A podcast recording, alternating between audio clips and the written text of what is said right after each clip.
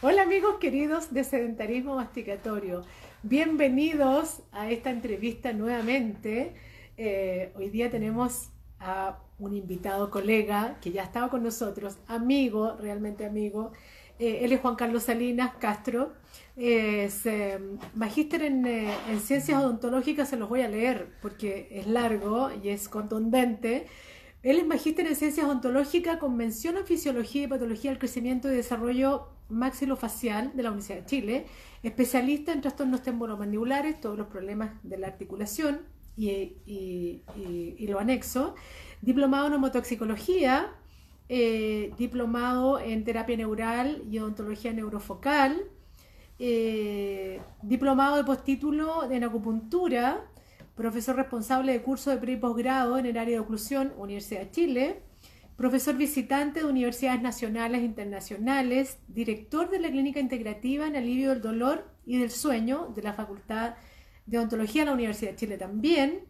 Eh, y él es em, miembro de la Sociedad Chilena de Medicina del Sueño, eh, y, eso, esto tiene que ver con, con algo que ya les vamos a mencionar. Eh, y él es miembro de la Comisión Nacional de Acreditación para Medicinas Complementarias y Alternativas del Ministerio de Salud, el MinSal. Eh, y, eso a propósito de que en la visita anterior, la invitación anterior que le hicimos a Juan Carlos, él eh, nos habló respecto de, em, de, cómo están posicionadas las medicinas complementarias en, en, Chile y la odontología integrativa, de eso hablamos. Y hoy día vamos a hablar de un tema muy interesante, que es muy recurrente en nuestra consulta en odontología integrativa para los odontólogos que hacemos la odontología integrativa, que es el manejo del dolor, más allá de las herramientas eh, eh, terapéuticas que tenemos, eh, farmacológicas sustancialmente, y también de algunos procedimientos clínicos, el manejo del dolor en la odontología. Y eh, la verdad es que nos pasa a los odontólogos, eh, sobre todo en, eh, que trabajamos en medicinas complementarias, que hay, un, hay unas situaciones clínicas de manejo del dolor que son muy, muy clásicas, muy, muy corrientes, que es el dolor de diente, el dolor de muela, y el otro es el dolor por bruxismo. Y eh, si bien no vamos a hablar de bruxismo propiamente tal, vamos a hablar de cómo eh, manejamos eh, y de si es posible, porque es una pregunta, ¿se puede? Y les vamos a ir contestando a lo largo de esta conversación. Juan Carlos, te vamos a enviar la invitación. ya estamos, te estamos buscando aquí, no te vemos todavía. vamos a... Mm, te vamos a contactar por si... Vamos a ver. Ahí estás. Ya. Ahí está Juan Carlos, lo tenemos a la vista y vamos a enviarle la invitación. Ahí te acabamos de mandar. A ver si la, si la puedes... Eh, si la puedes pinchar. Bueno, como les contaba, vamos a hablar respecto de si realmente podemos hacer un manejo. Eh, ¿Cómo está Juan Carlos? Bienvenido, mucho gusto. Gracias por estar con nosotros nuevamente. Igualmente. Ahí te escuchamos bien. ¿Me escuchas bien? ¿Me escuchas? Yo sí, perfecto. Está un, poquito, está un poquitito entrecortado tu audio, veamos si va mejorando. Bueno, te estaba haciendo yo la, larga introducción de tu currículum. Eh, es un agrado y un honor tenerte nuevamente con nosotros y para conversar eh, de colega a colega para nuestros amigos eh, este tema que es tan fascinante y que no me cabe duda que a ti a diario te consultan cada vez más, como me pasa a mí, respecto de cómo manejar el dolor cómo manejar el dolor asociado o no a inflamación, que normalmente está asociado a inflamación, eh, el tema de la inflamación que es eh, también tan recurrente. Eh, ¿Se puede o no se puede? Primero que nada, te quería preguntar respecto de, un poco enlazando con, el, con, el, con la conversación anterior que tuvimos, en la clínica que tienen, porque tú diriges una clínica de alivio del dolor, en esa clínica de alivio del dolor, ya tienen incorporado, ya tienen, eh, ya, ya existe esto em, en la Universidad de Chile de, de usar herramientas terapéuticas complementarias? Sí, bueno, la clínica original viene de muchos años, eh, de cuando estábamos en el, en el J. Aguirre. ¿ya?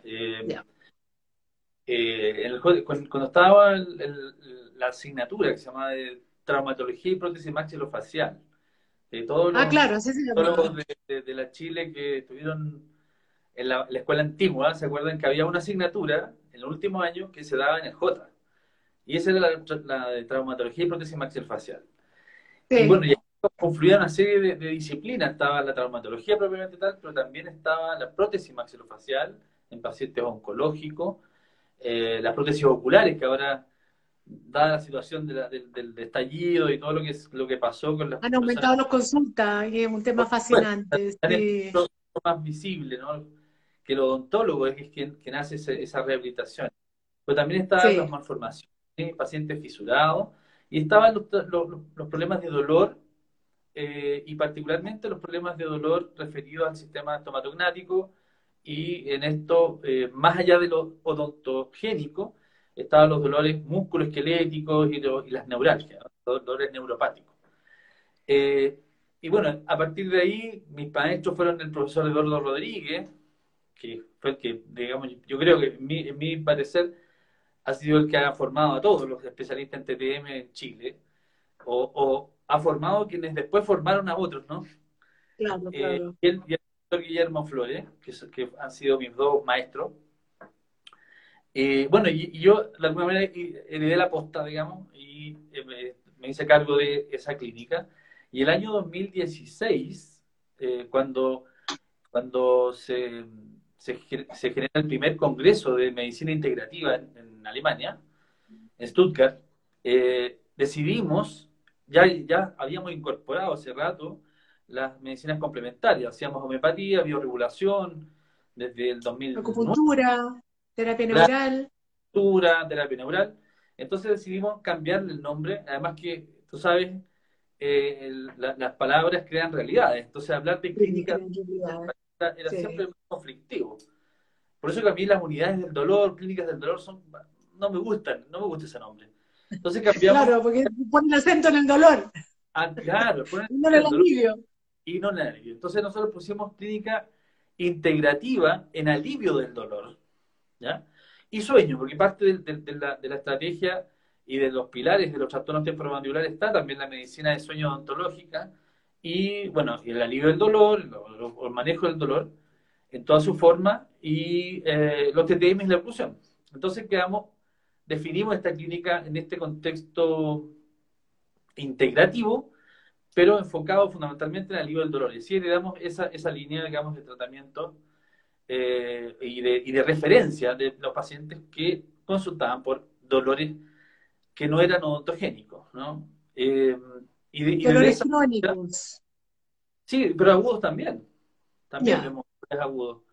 Eh, y por eso que vemos urgencia y, los alumnos de urgencia este año han hecho, o ya van, a empezar a hacer, porque dada la situación pandémica ha sido más de a poco, van a empezar a, a, hacer una, una pasada por, por, nuestra unidad como parte de su, de su práctica eh, de formación, a los de quinto año. Interesante. Eh, entonces la idea es justamente que ellos vean que hay hay otros dolores que no son los odontogénicos probablemente tal, que el odontólogo también tiene que manejar y tiene que tratar.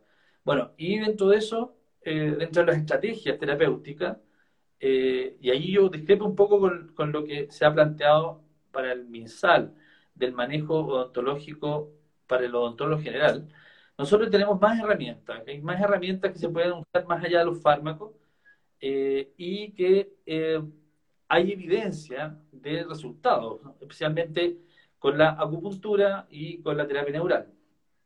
Y particularmente eh, en, el, en el alivio del dolor agudo y además en el control efectivo de las formas de dolor crónico. Porque actualmente ya hay una definición desde el, desde el principios del 2021 una redefinición del dolor crónico eh, y ya no es solamente un dolor o nociceptivo o neuropático, sino que existe mm. actualmente un, un, tipo de dolor que es justamente el que aglutina los cuadros que son más difíciles de tratar, como la fibromialgia, la, la cistitis intersticial, eh, el intestino irritable, y está el TTM también, y que es el dolor nociplástico. El dolor nociplástico habla de un dolor que se produce producto de una, eh, o como consecuencia de eh, cambios de neuroplasticidad cerebral a propósito de la persistencia de ese dolor. Es decir, precisamente el dolor crónico como un fenómeno que se, eh, que se que queda impregnado, queda grabado en el cerebro y por lo tanto empieza a tener este, esta recurrencia y esta mantención, a pesar de que no tengo, ya no tengo la lesión lo que, o lo que generó originalmente tal vez el dolor, que vendría a ser el dolor no sé El dolor central. Exacto, empieza a ser un dolor central o de sensibilización. Y por lo tanto, los, los, fármacos que tradicionalmente usamos, que son los antiinflamatorios, los analgésicos, ya no tienen una, una buena, un buen resultado. Y por eso que la mayoría de los pacientes eh, recurren, a pesar de haber tomado ya muchos medicamentos y, finalmente no, no, no, resuelven con ellos. Claro. Así que sí, desde, desde ahí ya oficialmente se reconoce en la facultad la, existencia de esta clínica de 2016, digo, integrativa, y la cual eh, el, fuerte del ejercicio es más bien todos los, procedimientos y los tratamientos que sean mínimamente invasivos. O sea, tratamos de que con menos, que una, una máxima también de, de las medicinas complementarias, ¿no? Con menos sea más. Mientras menos, mejor pero eso menos no significa no dejar de, tratar. Y de hecho, uno de, los, principios que nosotros manejamos es que el paciente que llega con un dolor no puede irse de la consulta, sobre todo la consulta nuestra que manejamos herramientas para alivio, al menos una anestesia, no se puede ir sin, con el dolor. ¿ya? Hay una gran diferencia con el, con, el, con, el, manejo médico, excepto lo que hace en terapia neural. Un paciente que llega con dolor no se puede ir solamente con una receta a buscar que el dolor se le pase. Claro, a la farmacia a ver si encuentra ese medicamento ese día o tiene que esperar dos días más hasta que lo encuentra, claro. Nosotros, tenemos la obligación de romper el círculo vicioso en el acto. Ya sea con, anestésico, como en la terapia oral, o con una aguja de acupuntura, o con, una, eh, o con punción seca, o con biopuntura, si, si tienen medicamentos biológicos. Claro.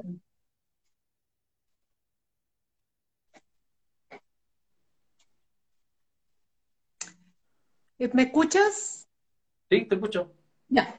Eh, entonces, eh, solo para eh, facilitar la, comprensión para nuestros amigos, volver a un solo punto de comprender que cuando hablamos de, dolor, de estos dolores crónicos, estamos hablando, o, o, dolor agudo, perdón, también ambos, estamos hablando del dolor que todos conocemos, que puede venir, provenir de un diente, eh, o bien puede ser un dolor que como lleva mucho tiempo, cuando nosotros hablamos de dolor centralizado, nos referimos a que ya el cerebro sufrió un cambio, eh, lo que tú decías respecto de la neuroplasticidad, dado que tenemos una, una plasticidad eh, neuronal en el cerebro, el cerebro ya sufrió un cambio y es como si tuviera el dolor por sí mismo, que pasa muchas veces con, con qué sé yo, con, eh, con el dolor, por ejemplo, del paciente que tiene dolor por bruxismo, dice, bueno,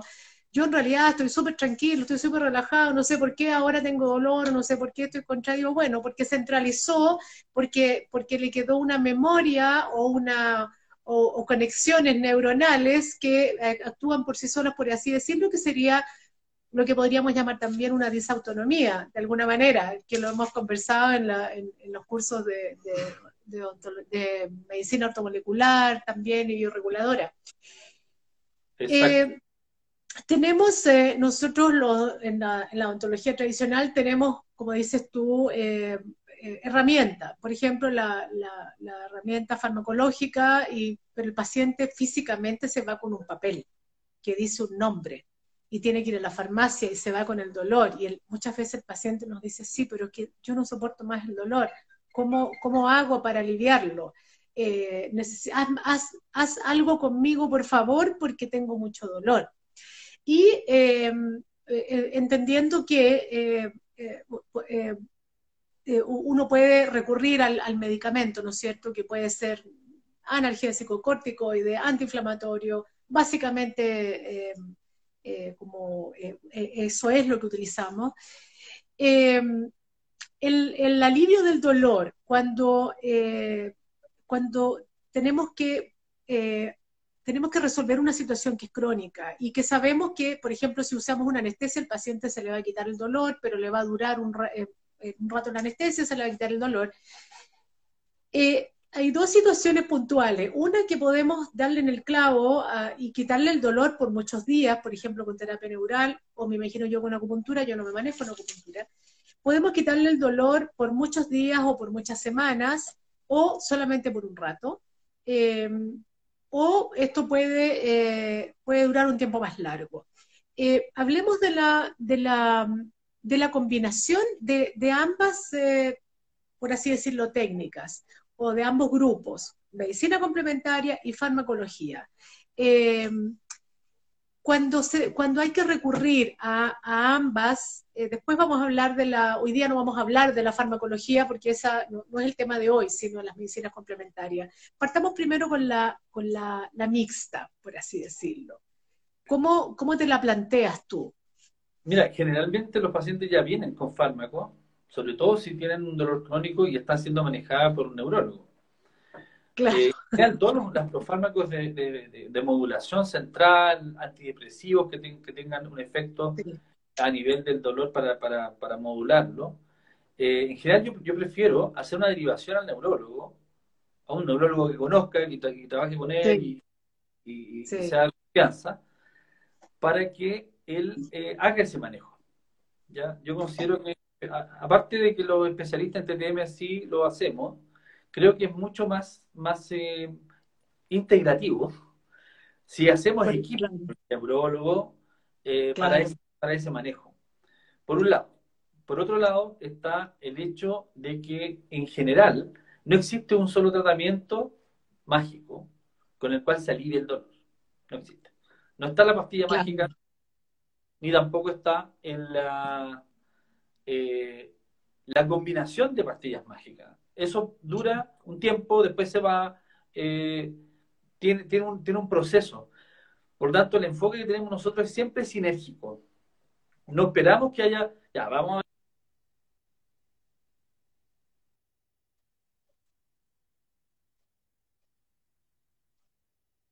Se fue tu audio. A ver si mejora, mejora tu señal. Eh, bueno, Juan Carlos nos está comentando que eh, ellos tienen un enfoque que es sinérgico eh, y que además tenemos que partir de la base que no existe el medicamento mágico que lo vamos a tomar y se nos va, y va a desaparecer el dolor completamente y, a perpetuidad. vamos a enviarte nuevamente la invitación. Parece que se te cayó la señal. A ver si te conectas nuevamente. Ya, vamos a esperar que Juan Carlos se conecte y eh, podamos enviarle nuevamente la, invitación. Bien. Bueno, eh, yo creo que voy a, mientras tanto, voy a ser redundante en comentarles eh, respecto de ese dolor centralizado. Eh, Juan Carlos tiene razón, muchas veces los pacientes llegan, han tenido dolor crónico y llegan ya eh, con eh, un, tratamiento farmacológico con pregabalina, por ejemplo, que es un medicamento que se utiliza para apuntar al dolor central, es decir, ese dolor que está porque está. ya no tengo la inflamación, ya no tengo el problema, pero me duele, no sé, trigémino. Entonces, eh, muchas veces los pacientes vienen con esa medicación. Y ahí el desafío para nosotros los odontólogos integrativos es em, em, armar el mapa de, cada uno de nuestros pacientes que vienen con esta situación clínica eh, y ver todas las posibles causas, las, fuentes de ese dolor. Eh, y entonces empezamos a buscar en, lo local, que lo local sería en realidad sí, un, por ejemplo, una neuralgia al trigémino no es tan local porque realmente es central, pero eh, ¿qué está sucediendo en el sistema de ese paciente, en la vida de ese paciente, en lo sistémico, que, eh, que puede estar favoreciendo también que ese dolor se haya cronificado? Ahora sí. Ya. ¿Estamos? Bien. Entonces, ¿cómo la sinergia? Tengo mala señal hoy día. Sí, bueno, lo que le estaba El enfoque sinérgico. sí, eso. Que eh, para mí el mejor enfoque es un enfoque sinérgico. Es decir, mientras más herramientas tenga, evidentemente herramientas de menos a más, hablamos en ese contexto, ¿no es cierto? Eh, sí. Yo voy a, siempre voy a buscar lo que sea más útil, eh, apuntando hacia buscar una respuesta en el organismo y como sabemos nosotros, eh, de, biorregulación o de autoecoorganización o de una respuesta de, equilibrio. Y ese equilibrio yo lo voy a, lo voy a encontrar, y así, así es como se plantea incluso en las distintas terapias, con acupuntura, con eh, eh, masaje tuina, con homeopatía, con... Entonces voy a poder utilizar, con dieta, voy a poder utilizar esas herramientas de manera coadyuvante al tratamiento médico. Sobre todo si el tratamiento médico está planteado bajo un diagnóstico justamente de un, trastorno que puede ser un, dolor neuropático, un dolor crónico eh, o mediado centralmente y que requiere entonces una farmacoterapia, pero, pero esa farmacoterapia lo que espera es, lo que busca es una respuesta, una respuesta del organismo. Si el organismo está bloqueado, si el organismo no, tiene capacidad de, depurar y de eliminar toxina, si el organismo no tiene unas vías como son los meridianos que estén eh, libres y despejadas para que la, energía recorra el organismo y se, autoequilibre, entonces no va a pasar nada con la, farmacoterapia. En cambio, y la farmacoterapia se va perpetuando, va, va, perpetuándose en el tiempo. No, solamente eso, vamos a tener que ir subiendo la dosis para tener el, el mismo efecto. Y con eso lo que hacemos es intoxicar o eh, empantanar más, La, matriz, la matriz extracelular. Entonces lo que hacemos es, al, aliviar de carga tóxica al organismo, los fármacos responden de manera mucho más rápida, a menos dosis, y en algunos casos, que es lo que siempre apuntamos, eh, idealmente que el paciente después deje de tomarlo. Entonces, eh, si em, eh, si contextualizamos en, la pregunta que, era el título de, este, de esta entrevista contigo, eh, ¿sirven las medicinas complementarias? Definitivamente sirven. Absolutamente. y una, una de las herramientas que además yo vuelvo a enfatizar que una de las herramientas clínicas muy importantes cuando utilizamos y cuando complementamos con medicina complementaria, una de esas herramientas es eh, desintoxicar el organismo, la matrix extracelular. Entonces, lo que, lo que solo para redondear, eh, lo que tú estás eh, graficando es que si este territorio biológico lo alivianamos de todo el peso que tiene y además le damos la posibilidad a los distintos sistemas de echarse a andar, de desbloquearse, entonces el medicamento va a ser más efectivo y la dosis más baja. Y al mismo tiempo vamos a conseguir eh, eh, limitar en el tiempo el uso de ese medicamento, ¿verdad? ¿Cómo, van a, cómo hacen en la clínica ustedes esa transición? Bien, por ejemplo, yo mientras se te fue la señal, yo estaba, por ejemplo, contando la historia de clásica que viene el paciente ya medicado con pregabalina eh, y pesquisamos que tiene una serie de elementos en su vida cotidiana y en su historia clínica que hacen que nosotros digamos, ah, por aquí sí podemos intervenir. ¿Cómo hacen ustedes en la, en la, en la clínica de ustedes, en la universidad, esa transición desde este paciente que llega medicado, bloqueado, etcétera, hacia bajar la, esa dosis, mejorar eh, la condición y terminar con el dolor? Bueno, primero, lo primero que hacemos es, es eh, registrar una historia de vida lo más completa posible. Y, hago, hago hincapié y pongo comillas en historia de vida y no una historia clínica. Exactamente. La historia clínica está referida específicamente a las, a las competencias disciplinarias. Si, nosotros, si yo hago una historia clínica, me voy a basar solamente en el territorio craneofacial, maxilofacial y la historia que en este contexto involucra. Cuando yo hablo de una historia de vida, voy mucho más allá, y tú lo sabes, mucho más profundo, incluso en, los eventos traumáticos que pueden haber ocurrido en sus generaciones anteriores. Bueno, y eso, y eso ah, eh, establezco entonces una, una relación de su estado, de su estado actual, con esos eventos o historias eh, y situaciones de trauma o situaciones de conflicto que pueden estar manifestándose, por ejemplo, en síntomas. ¿Qué síntomas? Síntomas de, por, por sistema. En general, uno habla de sistema. Entonces, eh, en el sistema, que es lo más común, que nos toca el sistema eh, digestivo, ¿no? Sí. Y, y, empezamos a preguntar a propósito. Y uno sabe que hay correlaciones. Y hay en este momento situaciones donde se, hay evidencia que se muestra como eh, el bruxismo puede estar relacionado con reflujo gastroesofágico. Sí. Y también eh, los trastornos, de la cefalea o los problemas de, dolor por eh, un problema de sobrecarga hepática o, o estreñimiento, si hablamos del, sistema digestivo. Bueno, y ahí tenemos ya, al, al encontrar positiva esa, esa relación, ya tenemos una tarea que hacer desde el punto de vista bioregulador y desde el punto de vista de la, de la depuración. Y de ahí seguimos con el sueño, seguimos con el tema de, eh, de, su, de, su, de, su, estado eh, psicoemocional, de lo relacional, y, van surgiendo un montón de información que se escapa muy por lejos de la historia clínica. Y entonces empezamos, empezamos, a, ver, a hacer esa relación y empezamos entonces a ver cuánto de eso está siendo abordado por el, modelo médico, ¿no? medicamentoso, y, y cuánto no. Y eso que no, entonces nosotros lo complementamos. Por eso que siempre hablamos de... claro, y esta experiencia, claro. No alternativa, no, no, no, sacamos los medicamentos que está tomando, no dejamos que el paciente... No, claro.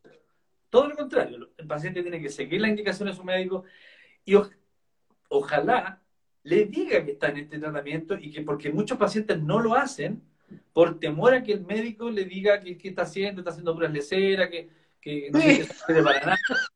Entonces, esa, realmente es un secreto para el médico. Esa parte es la que, por eso es muy importante generar redes y nosotros establecer vínculos con médicos, kinesiólogos, fonoaudiólogos, que sean integrativos. Sí. Claro, que comprendan lo que estamos haciendo y que no, porque si no, no sirve, no, no hay, no hay comunicación ahí. Si no lo son, claro. tendrán que, y buscaremos la, estrategia de cómo comunicarnos con ellos y que entiendan que además cada vez más los derechos y derechos del paciente hace que el paciente decida cuál es su enfoque. Y la idea justamente no es eliminar ni, ni, que el paciente deje su tratamiento médico, no, al contrario. Sí que siga, pero que, es, que, que el efecto que se busca con, eso, con esos tratamientos y, con esos fármacos sea el indicado y no caigamos en las reacciones adversas al medicamento que muchas veces obligan al médico a indicar otros medicamentos, para eliminar los efectos adversos de los primeros que indicó. Entonces, en vez de depurar el organismo, en la medida que surgen los efectos adversos por, la intoxicación que se va generando crónicamente con sus primeros medicamentos, aparecen más medicamentos. Entonces, esa lógica es la que nosotros tratamos de romper. Y no, lo hacemos con otros medicamentos. O sea, podemos, usar, podemos usar... Abordando la causa. Podemos usar eh, bioregulación, homotoxicología, pero generalmente lo que hacemos es estimular al organismo de que reaccione de manera lo más rápida posible. Y en eso, la terapia neural en este momento es el, tratamiento más potente.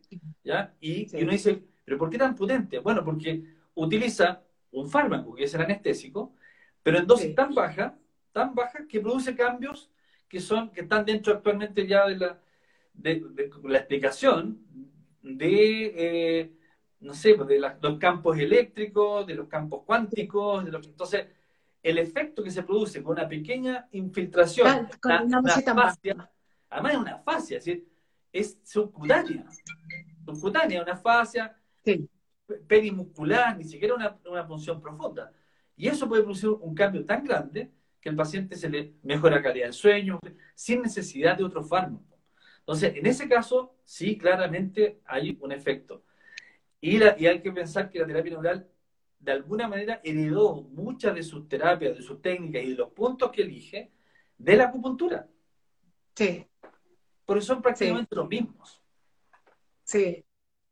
Claro, eh, son conceptos que se superponen. Eh, y que son muy interesantes porque también en esos mismos puntos nosotros podemos ocupar medicamentos eh, multiobjetivos, además de la terapia neural para hacer la biopuntura. Ah, claro, y, la, y, la, homociniatría. Y la homociniatría, exactamente. que es más específica de, los puntos de acupuntura. La cantidad de técnicas que se pueden utilizar, mínimamente invasiva, y no estamos agregando más fármacos en, nuestra terapia. Claro, claro. Entonces, eh, hay, una, ventaja muy grande. Ahora, en, tu experiencia em, clínica, ¿cuáles son los sistemas que normalmente están involucrados? Eh, ya nombraste uno que yo te diría que yo pienso que es el más común, que es el digestivo. ¿Cuáles son los, sistemas? Claro, es lejos, por lejos. Eh, sí. El primero que uno pregunta, bueno, a ver, varias preguntas respecto al sistema digestivo. Eh, después del sistema digestivo, ¿cuáles son los sistemas que tú has pesquisado en la clínica que están más involucrados en, este envoltorio del dolor crónico que, no es abordado por el medicamento para el dolor central, llámese, por ejemplo, pregabalina? Lo nombro porque, porque es lo que normalmente conocen los pacientes, lo que normalmente les han recetado. Mm. Puede haber otros medicamentos. Pero, ¿qué es, eh, ¿qué es lo que tú encuentras en la clínica más común? Y esto un poco para orientar a, nuestros amigos a pensar que no es, bueno, eh, eh, lo primero que tienen que ver es cómo está su sistema digestivo y cómo, cómo están los otros sistemas. Mira, los otros, el, otro sistema que se ve frecuentemente vinculado a la, a la, perpetuación del dolor es el, el, sueño, digamos, el sueño como, como una función biológica, ¿no? Hay, un, hay trastornos de sueño que están eh, directamente relacionados a la, a la, presencia del dolor. Eh, y, y, si uno piensa, eh, cuando hablamos de bruxismo, estamos hablando de un trastorno de sueño. El bruxismo de sueño es un trastorno de sueño que se manifiesta de una manera y que puede o no puede tener dolor. Cuando el paciente dice tengo bruxismo porque me duele la mandíbula, si bien es cierto, sí puede haber una relación entre el bruxismo y el dolor, pero no necesariamente. Y hay muchos pacientes que tienen bruxismo y no tienen dolor. Y no tienen dolor, sí. ¿Ya? Y, pero, sí, pero sí hay un trastorno de sueño detrás, de fondo. Y ese trastorno de sueño, entonces, hay que, hay que indagar más a propósito de si hay insomnio, o sea, si, hay, si, el, sueño se ve o, lo percibe como algo que está alterado que no, que no le permite eh, recobrar su energía, que, que, eh, persiste de, fatigado en el día y en la noche a lo mejor está prendido, o sea, tiene, un, tiene del, del, ciclo circadiano. Eh, o, por ejemplo, que se levanta muchas veces en la noche. Y eso para, para, para esa persona lo considera como normal. Es normal ir, no sé, cuatro o cinco veces al baño, no es normal. O, o, que, o, que dice, no, yo soy, tengo un sueño muy liviano. Apenas escucho la música y despierto. Como que eso es constitucional. No, eso es una alteración, es, un problema. Porque mientras más profundo es el sueño, sobre todo en la segunda mitad del sueño, mientras más cantidad de sueño REM, más eh, regeneración hay del, del, cerebro y de, las neuronas y de, y de y la capacidad cognitiva. Eh, entonces, el no soñar nada, o sea, no sé que yo no sueño nunca, nunca tengo sueño. Eso es un problema, porque si no sueño, significa que a, lo, mejor lo que no alcanzo un nivel, la cantidad de tiempo de sueño profundo de tipo REM que es el que me da esa característica de irrigar el cerebro y permitir regenerar las capacidades cognitivas. Entonces, así como también, si yo duermo, me, acuesto muy tarde, después de las, no sé, 3 de la mañana, 4 de la mañana, eh, evidentemente va a haber una serie de momentos, y ahí lo, interesante de meter o, incluir en esto la cronobiología, de, que en ciertas horas específicas de del, día y la noche, se van secretando, se secretan sustancias, hormonas, neurotransmisores, que si se pasó la hora ya no está, no está. Claro. Y eso tiene que ver mucho, y por eso es importante el conocer también las otras las otras concepciones. Y que no es recuperable, eso de que voy a recuperar el sueño no es recuperable. Y hay que tener presente que eso también está dentro de la, de la, de la cultura y de los conceptos tradicionales de las medicinas ancestrales. Entonces, el, la, cronobiología y la relación con los órganos eh, determinada en horas específicas está ya mapeada en la medicina china. Entonces sabemos, por ejemplo, que a las 3 de la mañana es la función hepática. El hígado está ahí. Y si, si, yo me acuesto después, no voy a tener una, buena capacidad depurativa del hígado. Entonces, en, para tener una buena capacidad depurativa y por tanto tenga esa capacidad de desintoxicarme, no puedo. trasnochar. No puedo trasnochar, no puedo. Necesito acostarme temprano. Y así estar durmiendo a esa hora. Y en un sueño no superficial, profundo. Entonces, hay una serie de, elementos que, que, vienen a fundamentar lo que se denomina la higiene del sueño. Entonces, nosotros no damos fármacos para el sueño. No damos eso. Lo que hacemos es indicar. Propiciar propicia a través de la acupuntura, a través de la bioregulación y la higiene del sueño para que el, paciente adquiera nuevos hábitos saludables en el buen dormir. Bueno, eso como, como sistema, el sueño está relacionado directamente con el sistema nervioso. Y ahí el, dolor, uno de los elementos que está siempre perturbado, cuando hay persistencia y hay eh, hay eh, neuroplasticidad central del dolor, es eh, la paticotonía, que es además el núcleo central del, y el fundamento de la indicación de la terapia.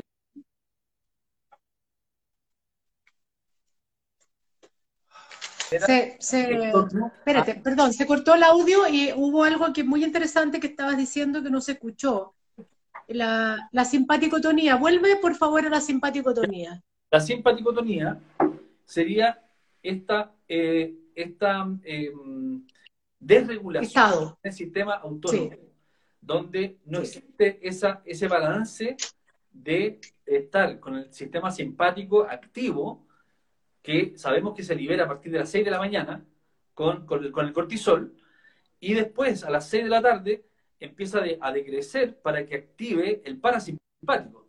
De tal manera que durante la noche sea, una, eh, sea el parasimpático el que esté primando en nuestra, nuestra eh, eh, fisiología y de esa manera tener el descanso suficiente. Cuando no tenemos eso, por ejemplo, en trastornos del sueño en general, pero también cuando, sufrimos dolor, entonces ese, esa, esa descarga simpático-tónica constante lo que hace es, mantenernos permanentemente en un estado de estrés, es decir, de propiciar nuestro, nuestra huida o lucha. Porque eso es lo que hace el, sistema simpático, fundamentalmente. Nos prepara o nos anticipa al cuerpo para pelear o para arrancar. Porque recordar además, sí, perdón, recordar además que pelear... La, amenaza, ¿no? Que existe una amenaza. Sí. Eso es lo que asume. Y recordar que pelear es eh, con puños, con piernas, eh, las patadas y, con los dientes. Exactamente, pelear es también con los dientes. Y, ahí hacemos el link con el, con el, em, con el bruxismo, ¿no? Eh, la, ¿cómo, em, ¿Cómo haces el enlace entre todo esto que nos has conversado y la actividad física? o versus sedentarismo, ya que hablamos de sedentarismo masticatorio. Ah, eh, ¿Cómo afectaría el sedentarismo masticatorio al bruxismo? Si es que lo miramos desde ese punto de vista, o mirándolo en buena, cómo sería una masticación virtuosa eh, y el bruxismo, de qué manera pudiéramos hacer el enlace. Mira, el, principalmente la actividad física lo que genera es activar o movilizar eh, la gran red eh, fractal de microtúbulos que, que, conforman las matrices extracelulares y particularmente las fascias. Ahí las fascias son las que, las que, las que reinan en el, tema de la, de la actividad física.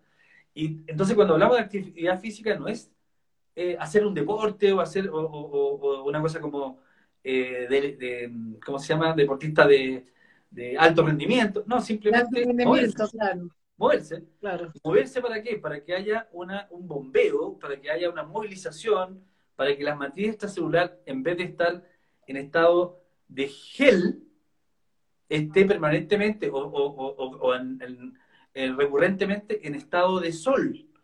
Cuando uno tiene fiebre, lo que ocurre es que se solidifica, no de sólido, sino que de sol, se hace más licuado esa matriz extracelular.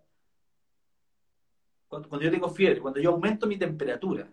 Y eso tiene una, finalidad biológica, que es aumentar, aumentar que las células pasen de la sangre y se metan en, el intersticio, en la, matriz, y se movilicen a través de las fibras.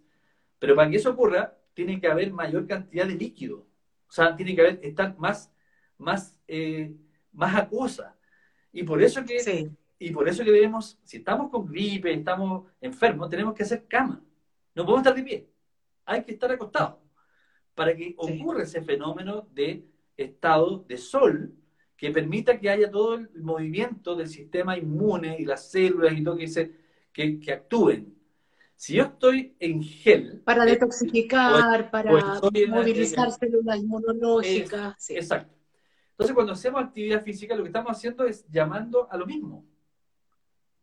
Estamos generando un estado de mayor, de mayor eh, flexibilidad a nivel de la matriz si no hago ejercicio y si me estoy todo, el tiempo sedentario o si, eh, eh, o si en la matriz extracelular está como empantanada, está, está más solidificada, pero llamamos en, el, sistema coloidal más gel que sol. Eh, polimerizada. Está polimerizada, entonces las células no van a pasar por ahí.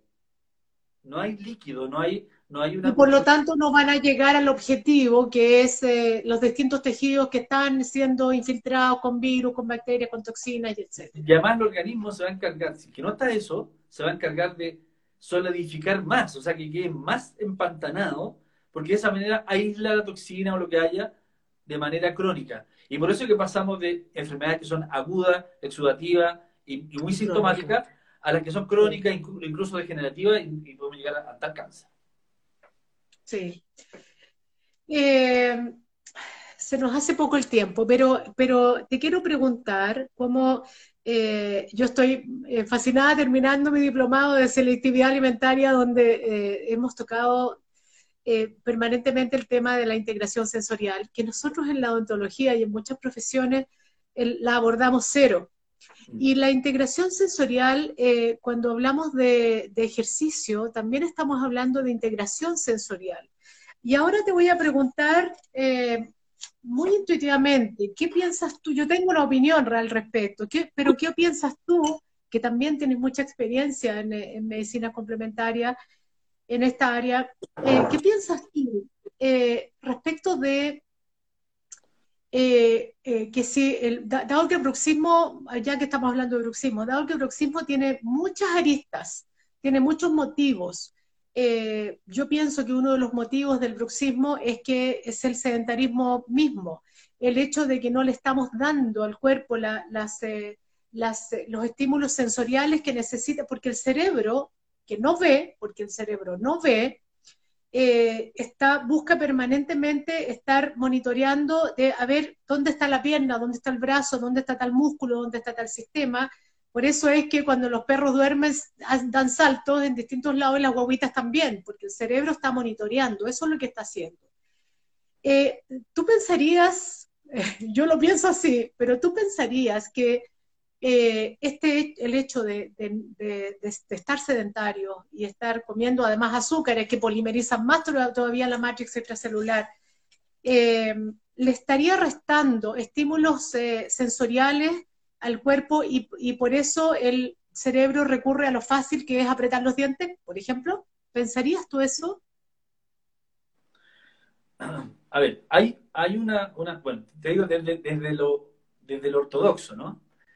Se, se, considera que uno de los, de los eh, factores que genera precisamente eh, la actividad de bruxismo y la, y la piel de los dientes, especialmente en los niños, son las menilsantinas, y particularmente las derivadas de el cacao, de, o sea, el chocolate, las, las, eh, la teofilina y la cafeína y, y los azúcares.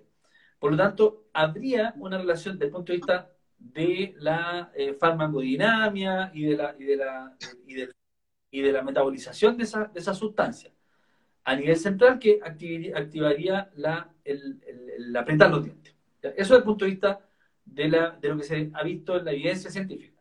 Ahora, lo que yo pienso, además, por lo que conozco de la interpretación que hay de, las, de las medicinas complementarias, eh, es que el azúcar es una sustancia que eh, altera de alguna manera eh, la, los mecanismos de distribución o de, o, de, o de flujo de la energía para la medicina china, que es el vasopáncreas.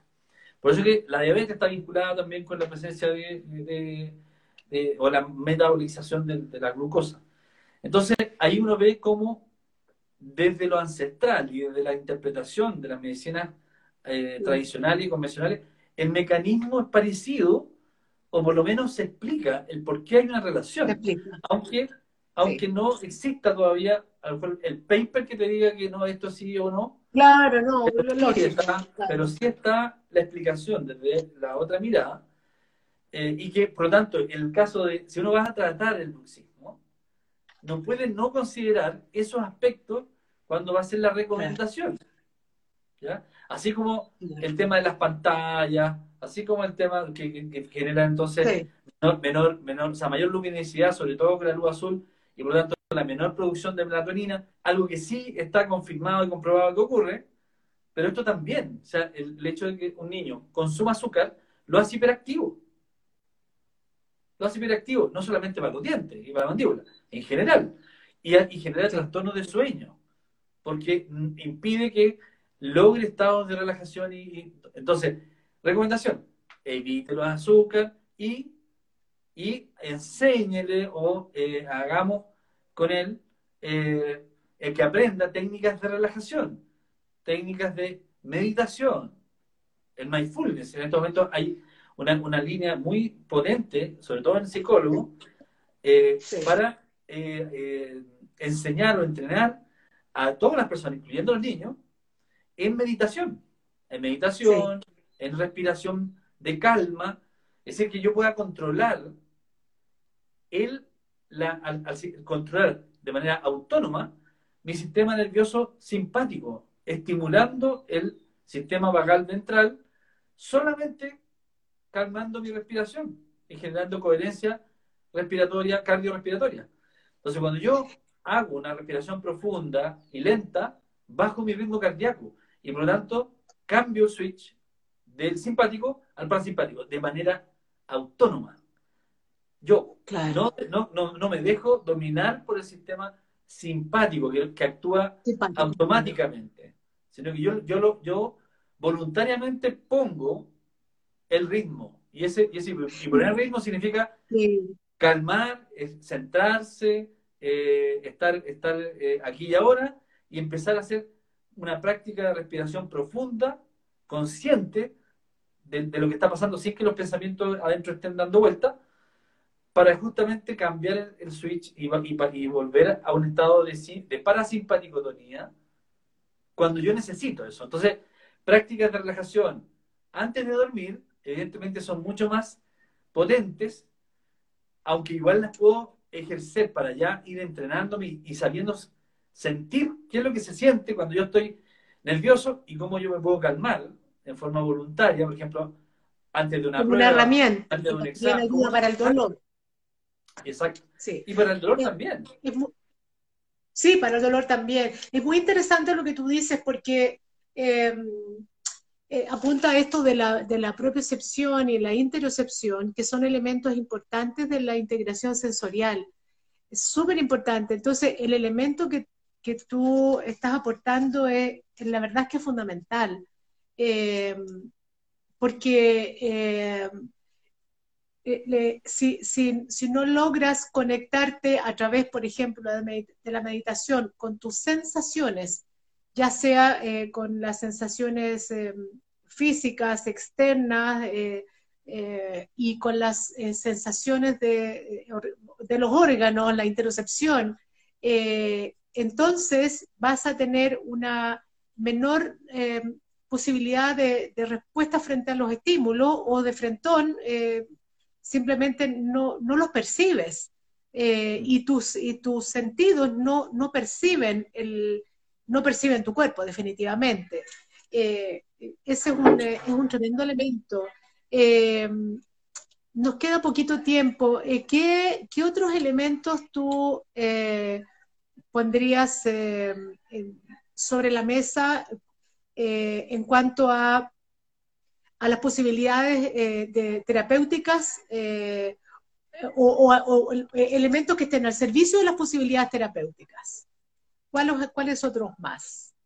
Mira, yo creo que, yo creo que ahí todavía eh, hay, hay mucho que, po- que podemos, podemos ocupar. ¿ya? Sí, En general, en general hay, hay herramientas dentro de la misma medicina china que, sí. que, es- que, que van más allá de la, de la acupuntura. Está, está el, el- el- el conocer eh, la- lo, lo maravilloso que es interpretar las eh, manifestaciones que tienen la- los cinco movimientos, ¿no?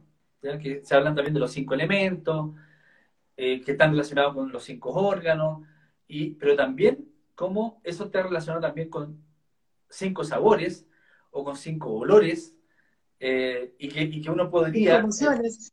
con las emociones, y uno podría entonces usar no solamente los medicamentos, la aguja eh, o, las, eh, eh, o, o sustancias que vayan apuntando hacia el órgano específico, sino que también cómo en esa relación del, del- del- de, de- de madre e hijo, ¿no? de la, la generación y la relación de dominancia Sí, y contradominancia, que es como la estrellita ¿no? de los cinco elementos, sí, eh, tú puedes, tú puedes eh, estimulando un órgano o estimulando un determinado olor o un sabor o, o una emoción, una emoción.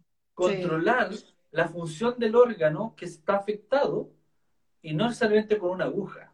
Entonces, ahí hay un, un conocimiento profundo de la medicina china que uno puede usar eh, en, en, eh, en una, en una recomendación en- o en, una, eh, en un relato de autoayuda para que el paciente además se vaya conociendo a sí mismo y se vaya dando cuenta de, por ejemplo, que no le hace bien andar de negro.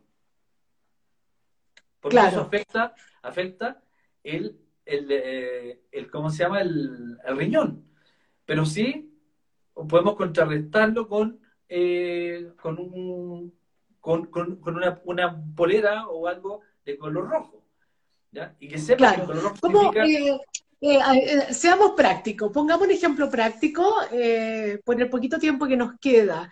El, sistema más afectado cuando uno le pregunta al paciente, bueno, tiene dolor crónico, en fin, ya el más afectado ya sabemos, por lo que pesquisamos nosotros, es el sistema digestivo. Si te encuentras un paciente que tiene, qué sé yo, X dolor, su sistema digestivo tiene X síntomas, eh, ¿Qué le recomendarías tú en cuanto a olor, color? eh, por ejemplo, coma alimentos de tales colores, eh, privilegie eso, además de muchas otras cosas más, ¿entiendes? No es, no es que con eso va a aliviar el dolor.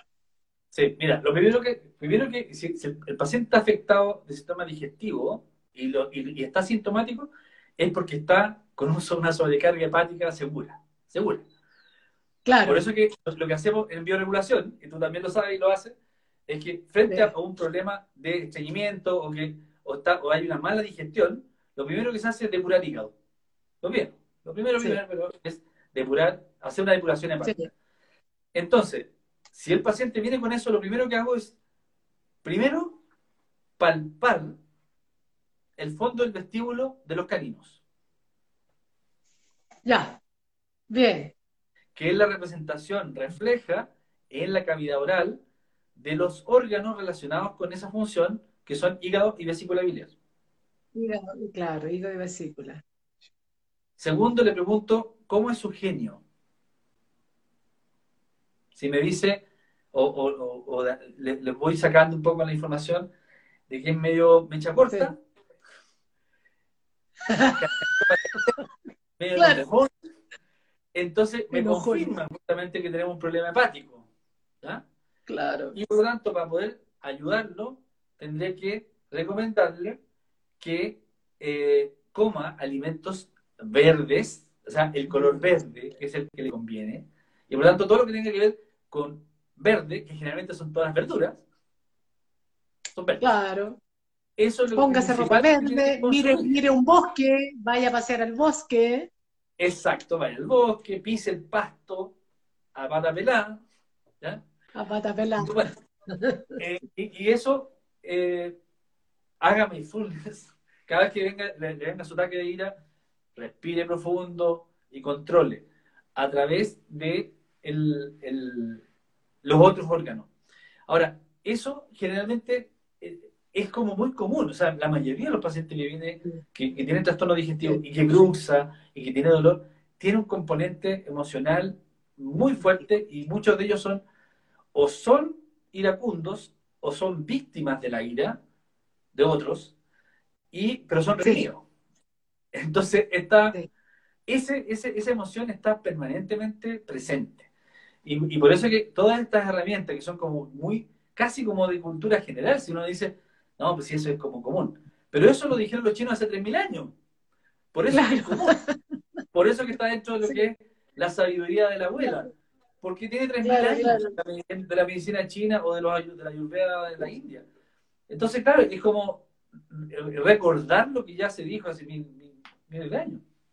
Entonces, por eso que eh, yo creo que todas esas cosas tienen un fundamento. Todas esa- esas recomendaciones que son como, que aparentemente son como muy folclóricas, resulta que se traducen en un bienestar al final, donde la, eh, donde la, la, la, en la farmacoterapia o la terapia médica propiamente tal, es como lo que se ve, lo visible, la punta del iceberg, y lo de Sí. abajo es todo lo que él está generando como cambio de estilo de vida, lo que llama, actualmente se llama Sí.